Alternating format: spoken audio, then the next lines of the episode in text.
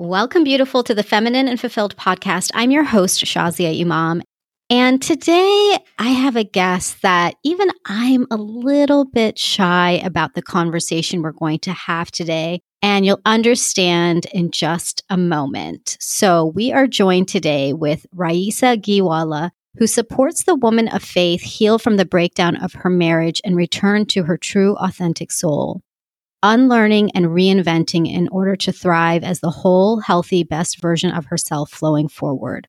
Raisa's vision is for women to build whole, healthy families by unlearning subconscious and dysfunctional generational patterns.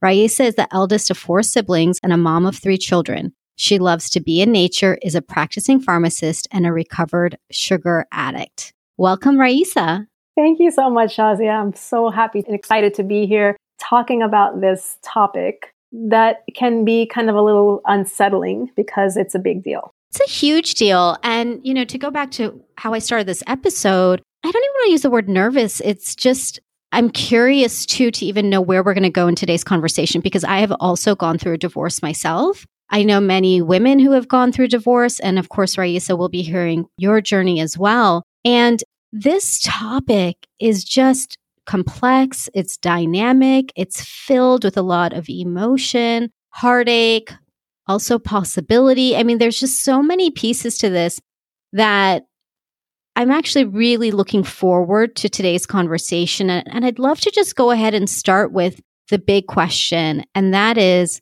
Raisa, what's your story? Mm, yeah, that's a big one. Well, I will share those deep moments of my own story how I like to frame it for me, how I see my story and how it unfolded is I call my divorce my spiritual and emotional rebirth. So that was like a turning point for me. And, you know, I also say that my marriage and my divorce was exactly what I needed when I needed it. So it's definitely had many purposes to serve. And why I call it a rebirth is because it was like an awakening. It triggered an awakening within me. It triggered me to dare to go on a journey into myself, into knowing myself, understanding myself, and going on this journey from self loathing, all of this self loathing that I didn't even know that I had underneath, to self acceptance, self kindness, self compassion, self forgiveness. And it awakened my true self, my true authentic soul, not who I thought I was by how I was labeled or how I was conditioned or what I or the beliefs that I had about myself based on my experiences. So, in a nutshell, that's the overview of my story. But really, I was married for 17 years. I knew my husband for five years before we even got married. I did get married, I guess you could say, on the young side. I was 22, he was 23. And um, we had all these dreams, we had all these hopes, we were in love, and we were excited and had this future that we planned together. And along the way, we grew apart. Along the way, we had different, I guess, priorities, you could call it. And we drifted apart. And what had happened also along the way, there were many triggers that were going on in our relationship that I didn't understand or recognize what those triggers meant. It always looked like something or someone was the problem. And many times it looked like he was the problem, or if he didn't do this, or things didn't go this way, or if we didn't have all these external problems, then life would be bliss. However, that wasn't the case. And I found myself after going through during my breakdown of my marriage and my breakup, seeking counseling and seeking, you know, working with a coach helped me to uncover that I had been living my whole life as a codependent person, meaning that I was relying on someone else, my ex, to fill my emotional, spiritual, mental needs, a lot of my needs. And so therefore I, you know, was a really codependent, needy person.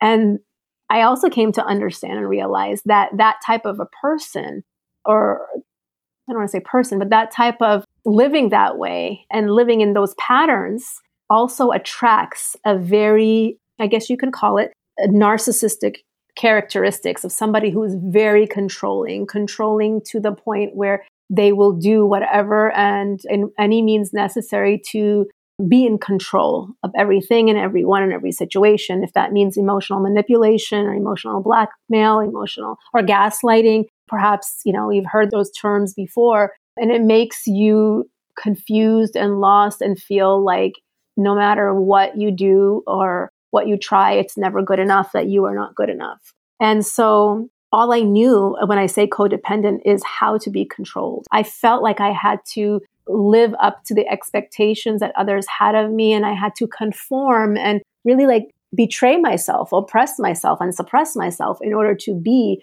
who I thought others wanted me to be in order to be good enough, in order to be accepted, valued. And that's how I showed up in my marriage. So our marriage fell apart and it crumbled. He had his own story and journey, and I had mine. And, you know, it was quite devastating because nobody goes into a marriage expecting to get divorced or forget about planning to, but expecting to get divorced. And so all those hopes and dreams, they shatter with that. And I would say also that at that point, it was devastating for me too, because not only did the marriage fall apart, I felt like I fell apart. I really, it really felt like that. It was devastating. And, you know, being a codependent person, I was like panicking. Where do I go? What do I do? How do I handle this? Who has my answers? And that's the mode and the patterns that I had and how I showed up is to look to everyone and everything to define me, to give me my answers, to tell me what to do, because that's the only way I knew how to operate. All I knew how to do was to be controlled. So, in those moments of panic and anxiety, of all the doors shutting on me and having nowhere else to turn, you know, I turned to the only place that I could. I turned up to my creator. And that began my love affair with God. And that began my love affair with myself and coming back home to me as a unique individual servant of God, valued and dignified and honored through my being and my connection with God. Thank you for sharing that. I have chills all over because I know this moment as well. Mm. Yeah, the moment when you turn up. You know, sometimes you have to hit rock bottom to really look up.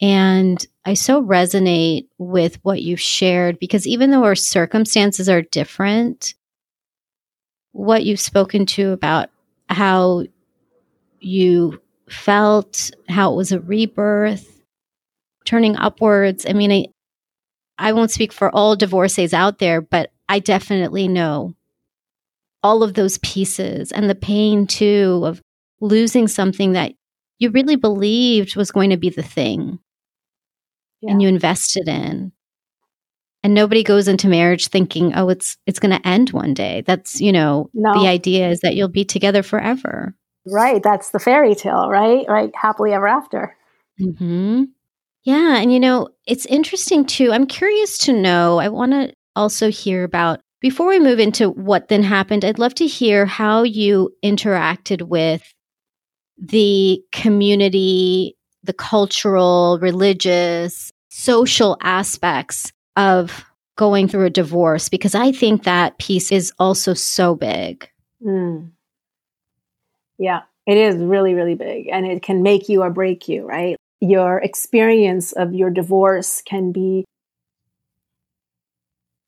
refreshing and awakening, or it can be devastating, even the aftermaths. And that's a really, really, really wonderful question. So I think for me, what happened was that because I turned inward, I feel like everything and everyone that I needed to go on this journey appeared to me, came to me, because I had been looking outside of myself, like this neediness, like, okay, I'm going to latch onto this person. They're going to help me. They're going to show me. They're going to save me or they're going to, you know, make things work out for me. And when I had that shift that no, I have to stop. I cannot keep doing that that is actually destroying me. And when I knew that I would never be let down with the ultimate source, being connected to that, I really just went inward. It was just, it was like literally, as I explained it before, like uh, a, a began a love affair with God. It was just me and God on this journey, me and God, and that was it. And so I just went inward. I connected back to myself and I just begged for mercy. I begged for help, just help. And through that kind of returning back to myself, you know, my true, pure, authentic soul, and returning back to the one who created that soul was really an opportunity for all of the things and the people, the resources that I needed to support me. So my experience ended up being like the people were great, were wonderful. Like I had a lot of support with my friends. I had a lot of support in my community. I didn't feel excluded. And I know what I'm telling you, Shazia, is really rare and is not the norm. And I think is because I didn't show up with perceptions of what people are thinking about me or what people maybe believing about me and then showing up with those insecurities in how I interacted with people. I think when I had those shifts within me about where my worthiness and my value come from, I accepted and allowed to be able to receive all that. That was a big shift for me that I didn't have before because I always used to run to people or things outside of me and my connection to God to get things done or to get results. And when I had that shift that no, no, no, I got to start from within myself first, all of the things that I needed, the resources, they just landed in my lap. And it just reinforced to me that I was doing things wrong.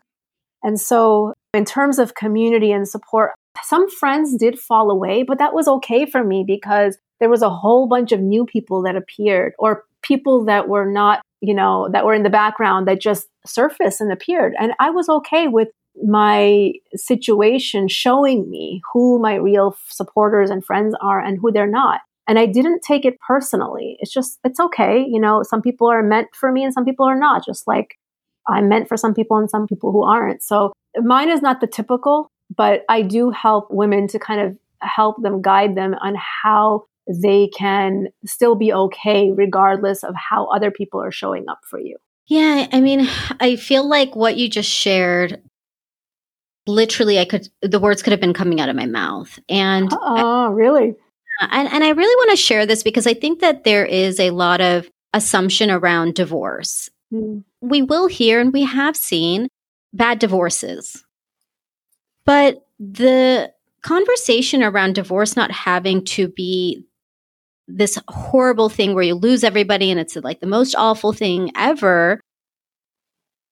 It is really hard, but it doesn't have to be all of these things. And I remember when I was going through my divorce, I just thought, oh my God, what's going to happen? I'm just going to be like an old maid and alone and totally ostracized, and I'm a complete failure.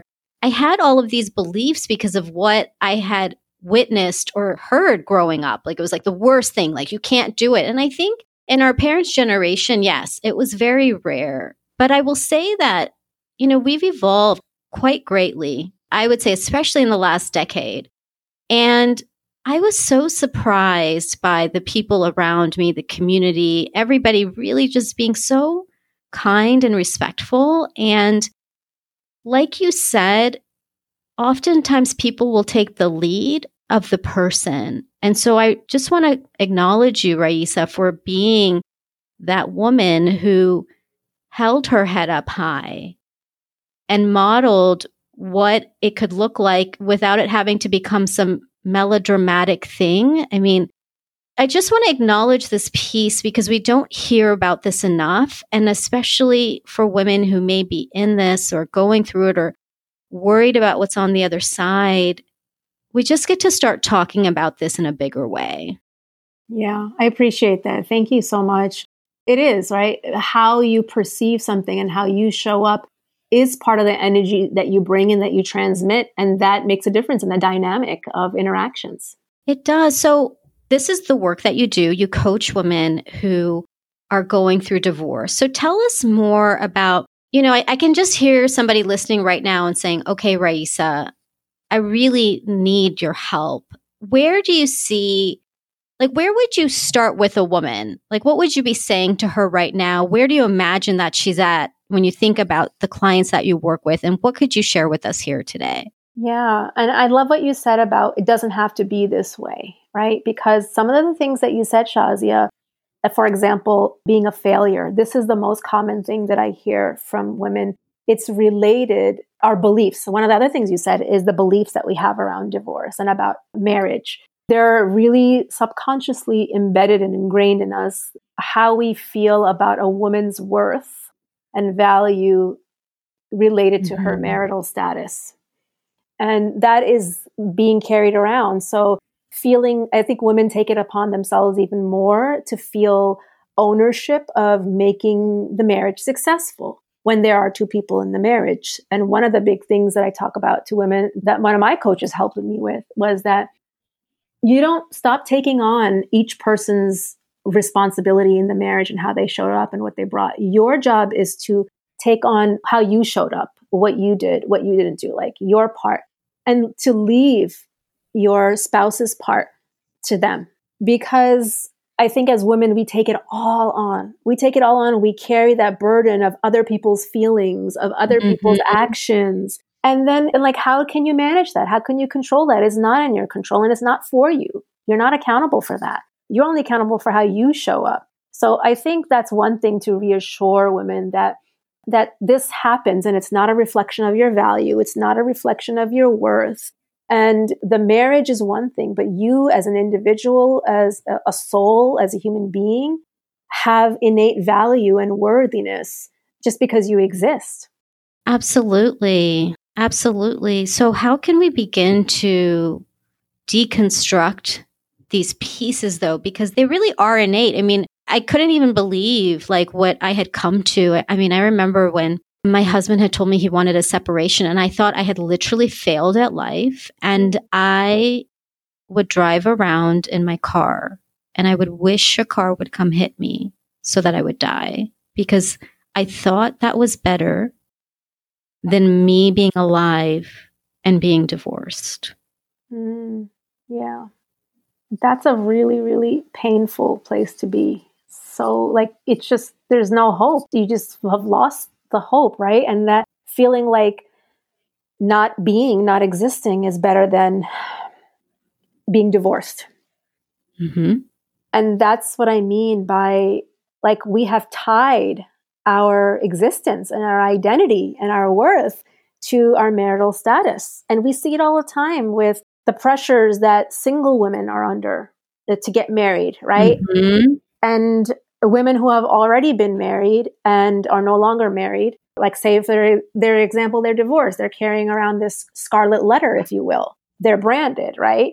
And so they have all these insecurities about, like, as you shared with us earlier, about who's going to want me. I'm going to end up as an old maid, like all these fears and insecurities. And so when you talk about, like, I can understand that too, because I kind of felt like I was there as well in terms of where do I like I don't understand life in any other way.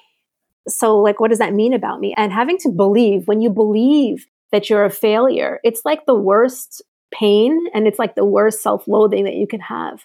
Mm. It's a form of oppression, uh, self-oppression because you're never a failure until you give up on yourself. That's failing. That's when you failed is when you give up on yourself and you stop having hope. And sometimes, you know, we're in those places, that can happen.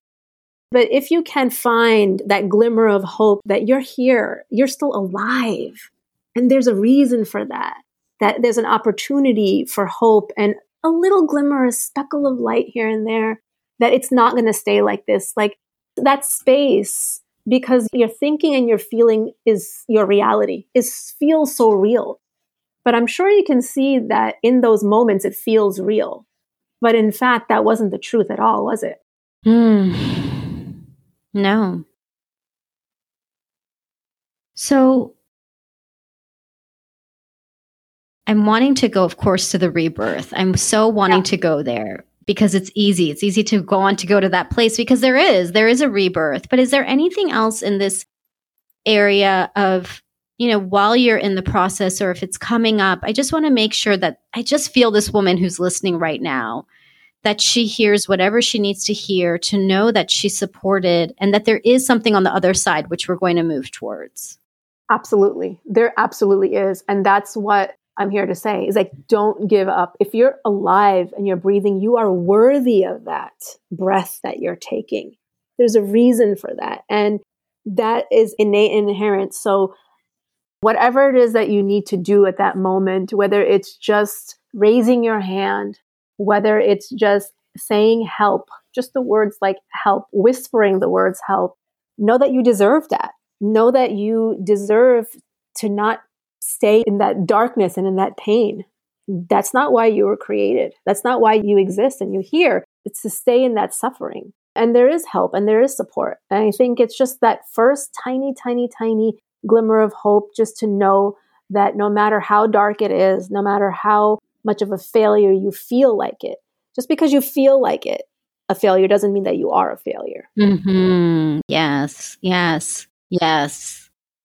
And I want to say one more thing too, because when you said it, I was like, oh my God, I remember that moment too. The time when like you are like reaching to everybody. I remember this time. It was like, you think it's like, I remember thinking, this person, no, this person is going to save it. This mm-hmm. person, they're going to say the thing. They're going to, they, they're going to talk sense into him or mm-hmm. they're going to like give me the way. And it was like, there is nobody who will solve this for you because you are on a journey. Like I see it now at the time, trust me, like I did not want it, but you are on a journey.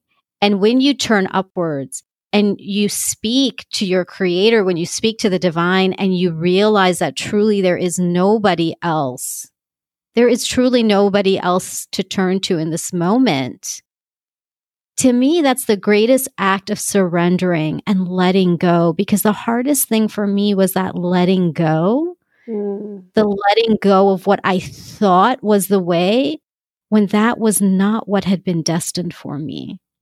Yeah, that's so powerful. You're right. It is a surrender and it takes a weight off of you because you don't have to carry all of that weight mm-hmm. of things that are not in your control. You can just be and be good enough. Mm-hmm. Yes.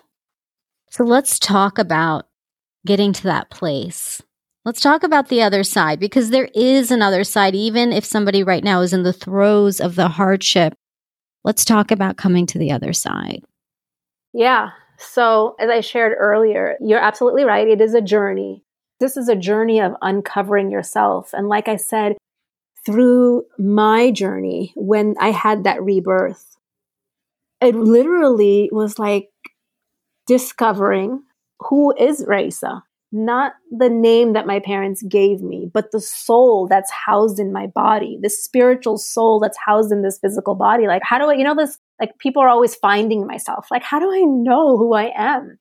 How do I know who I am? How do I know why I'm here? How do I know what my identity is? Is all these core things that led me, like that's where the journey took me. It was discovering myself and it was uncovering by peeling back all those layers of how I'd been labeled and or how I'd been conditioned through all of my pains and hurts and traumas and experiences all the way back down from childhood that caused me to show up the way that I did in my life until that point, until my rebirth.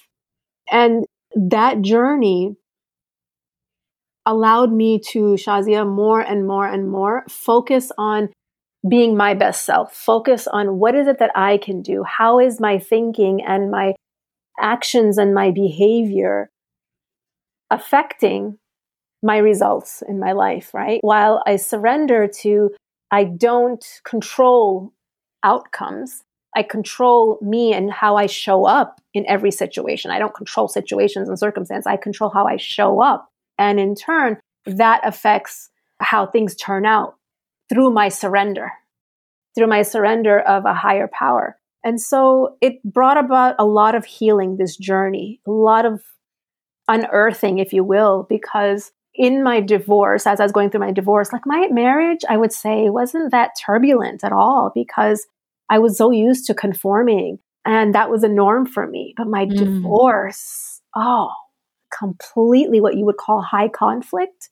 Mm. And even till now, almost seven years later, with having three children together, we have to raise children. And so that was where all of my triggers came out because now I was on this journey of becoming a new me, a new version of myself this was not the version that my ex knew. So when I wasn't going back to conforming and capitulating and just being somebody that could be easily controlled, it brought about a lot of more manipulation, more exertion of aggressive control, and brought up a lot of triggers within me. And what I recognized, Shazia, through that journey, like this is not a like a quick fix. That's why it's called a journey, right? It's a lifetime journey And it's not about you're one person one day and another person another day. You're this person in this environment and you're that person in, envir- in that environment. No, it's about owning you as a soul.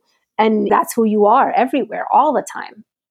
And getting back to those triggers, it showed me because I had help and I had mentors and coaches along the way, it helped me to bring things inward and showed me those triggers through what my ex was doing or how my children were being hurt and manipulated. It showed me where I needed to heal, where I needed to heal so my wounds and my traumas weren't leading me to behave a certain way, but rather my intuition and my best self was allowing me to lead through wisdom and through insight. So, Race, I have a question for you. Would you have counted your marriage as abusive? I wouldn't actually. I wouldn't have counted it as abusive because you know why, Shazia? I didn't feel like I was being abused. Hmm. Because to me, that was the norm to be controlled in that type of way. Because I didn't even see it as control in my marriage, actually. I saw it as, you know, when you are so conditioned or programmed with a certain way of living and being that you know nothing else. And I felt safe. I felt safe in that environment. If I didn't have the protection of being in this marriage and of being married to my husband, then I would feel insecure. Then I would feel unsafe. But just being in that marriage and having this codependency made me feel safe. It's I know it's so warped, but that was my conditioning. Mm. Well, that's why I was curious about it because I know in abusive relationships that conditioning happen. It, it happens, right? It's like a grooming, and I'm curious to know too because that's a whole different topic. So I'm not going to go there right now because if you're not saying it was, the other question I'm really curious about is you did bring up the children and mm. co-parenting. And this I see to be the piece where, like, even though you're divorced from your husband, you still can't totally get away. And how do you move forward with that? Yeah, that is a big one. I'm really glad that we're getting to talk about this because you're absolutely right. When you get divorced and you separate and you don't have to longer have to live with this person, you still have a bond. You still have children between you that you need to show up for. And your ex is still going to trigger you, even though you're no longer married, because you have to deal with him and communicate with him regarding the children. And one of the things is that, again, when I say trigger, recognizing what do your triggers signify? They're just signifying to you the places within yourself that are wounds that need to heal. And that's on you. That's your responsibility. And I'll just recap that one of the things about the rebirth was also about taking 100% ownership and responsibility mm-hmm. for yourself. Wherever you are, however way you ended up, doesn't matter. But right here, right now, in this moment, if you want to move forward, which you deserve to, to live the life that you want and that you deserve, you have to own all of you the parts that perhaps wasn't your best self, the parts that you weren't happy with or satisfied with, you have to own your part. Yeah, that's a big one. Like I want to put a underline bold on that. And this one is hard, I think, sometimes for people to swallow, but it's true. It is true until you accept full responsibility of what you brought. It's not that you're responsible for everything, but if the context will always be just blaming the other person, the only person who's trapped in that situation is you. Yeah. Yeah. It's like that bitter pill to swallow, right? When you mm-hmm. can't accept that truth, like what you said. It's hard, but it's the truth.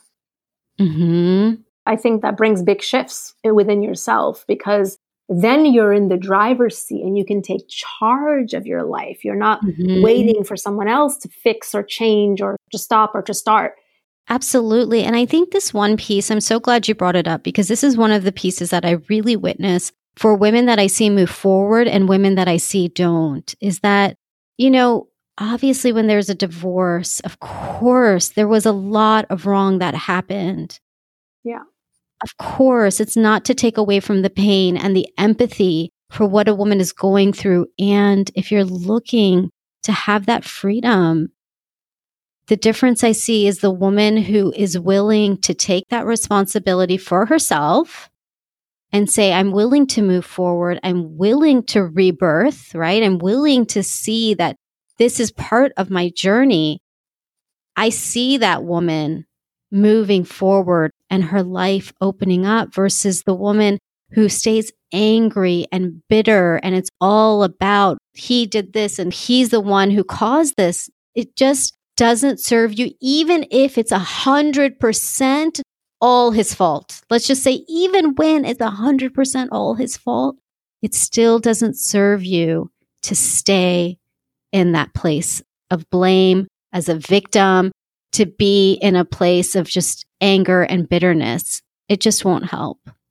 Yeah, you're spot on because at the end of the day, you lose and then your children lose because that's what you have to mm-hmm. offer them. Absolutely. So, do you have any tips on co parenting? I mean, how have you made it work for you? Yeah. well, it's not an ideal situation. There is still a lot of friction. I wouldn't call it friction, but it's not like a, I wouldn't call it amicable. It works for us and it's fine the thing is that you want to really focus on this and make it's really important because why it's important is because if you cannot communicate in a respectful way with your partner, with your parenting partner, then that trickles down to the kids and they get hurt. And none of us want that. But when we're stuck in our own patterns and we can't even see that what we're doing is is just lashing out rather than responding from a place that we can feel good about, it falls onto the kids because they take it on. They actually do take it on without even realizing it. And so it does harm them because kids are made up of half mom and half dad.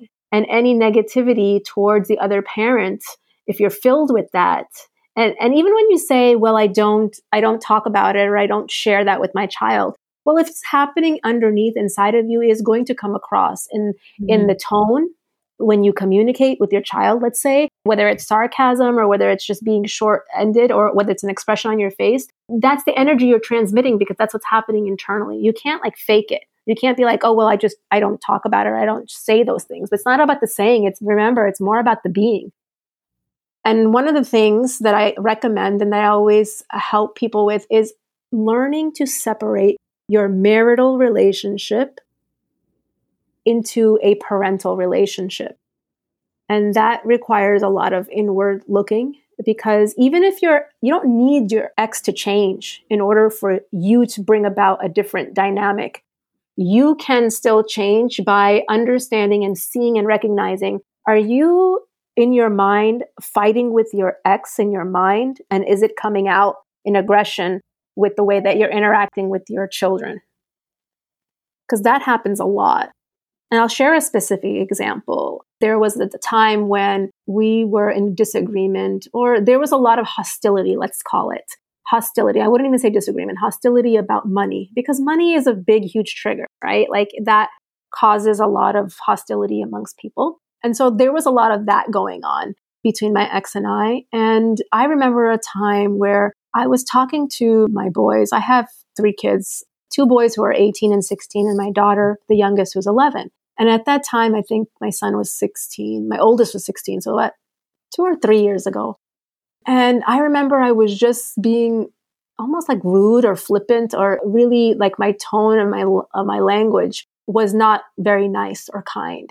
And of course, he reacted to that. And in my mind, I couldn't see it in that moment, but I was showing up with him with the frustration and the anger that I had for my ex in those moments. But I couldn't see that at that time. And so that is my responsibility. So I have to own that. And when I started realizing that, that wait a minute, I can't show up if I'm having any feelings or emotion about something, I can't interact and communicate with anybody because I'm going to communicate the emotion rather than communicate the message.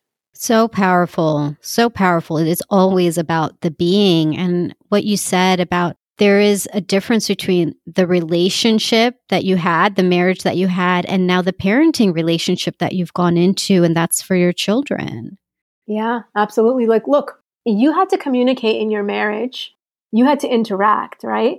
If communication broke down and the marriage became dysfunctional and you separated, whether it was mutual or whether only one person believed that it broke down and it was dysfunctional and it needed to end. You cannot continue those same patterns in your post marriage with your communicating with your ex that way because if you continue that way what's the definition of insanity? It's like doing the same thing over and over again and expecting a different result.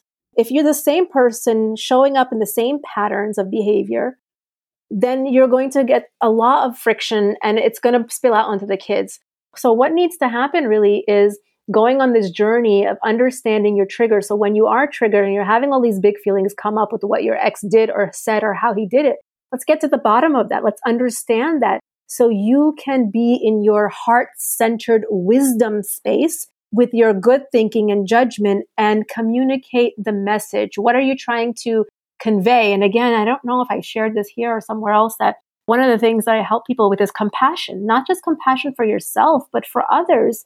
Because if you're looking at this person and trying to address them, this conflict you're trying to resolve or the solution you're trying to come to in co parenting, is the person's the problem, then you're going to approach the person as a problem, as a nuisance with frustration.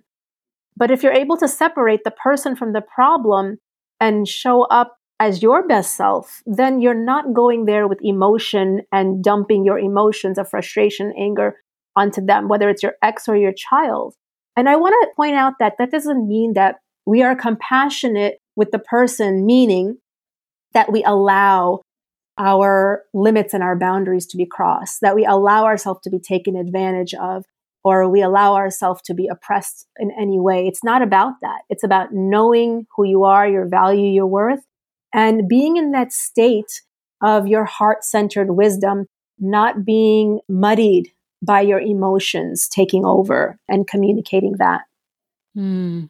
So much richness in what you're sharing today. And I know literally and from my own experience and just what I've heard from you today and just the whole journey that we have just scratched the surface today. Mm. Just scratched the surface. And so, how can people reach out to you, Raisa, to take this further and to really do that inner work that you're talking about to support the woman who gets to have her rebirth and live her thriving life?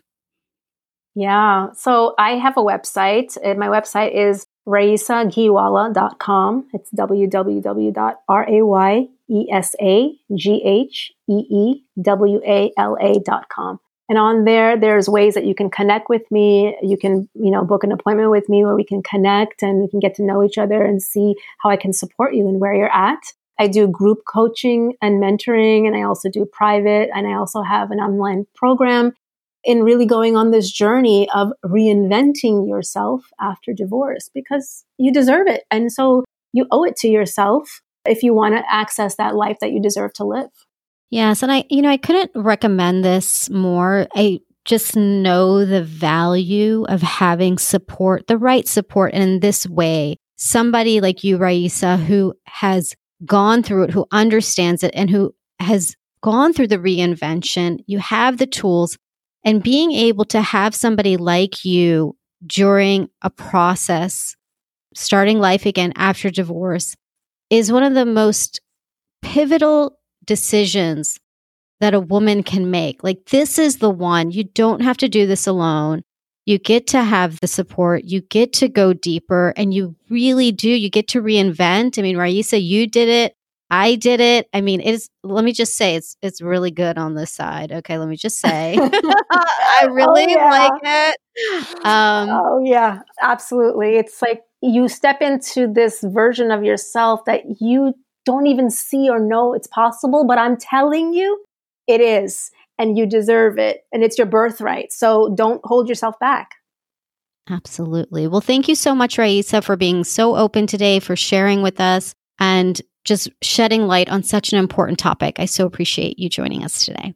It was my pleasure, and I appreciate it. And I appreciate all your listeners who are tuning in to help themselves, really.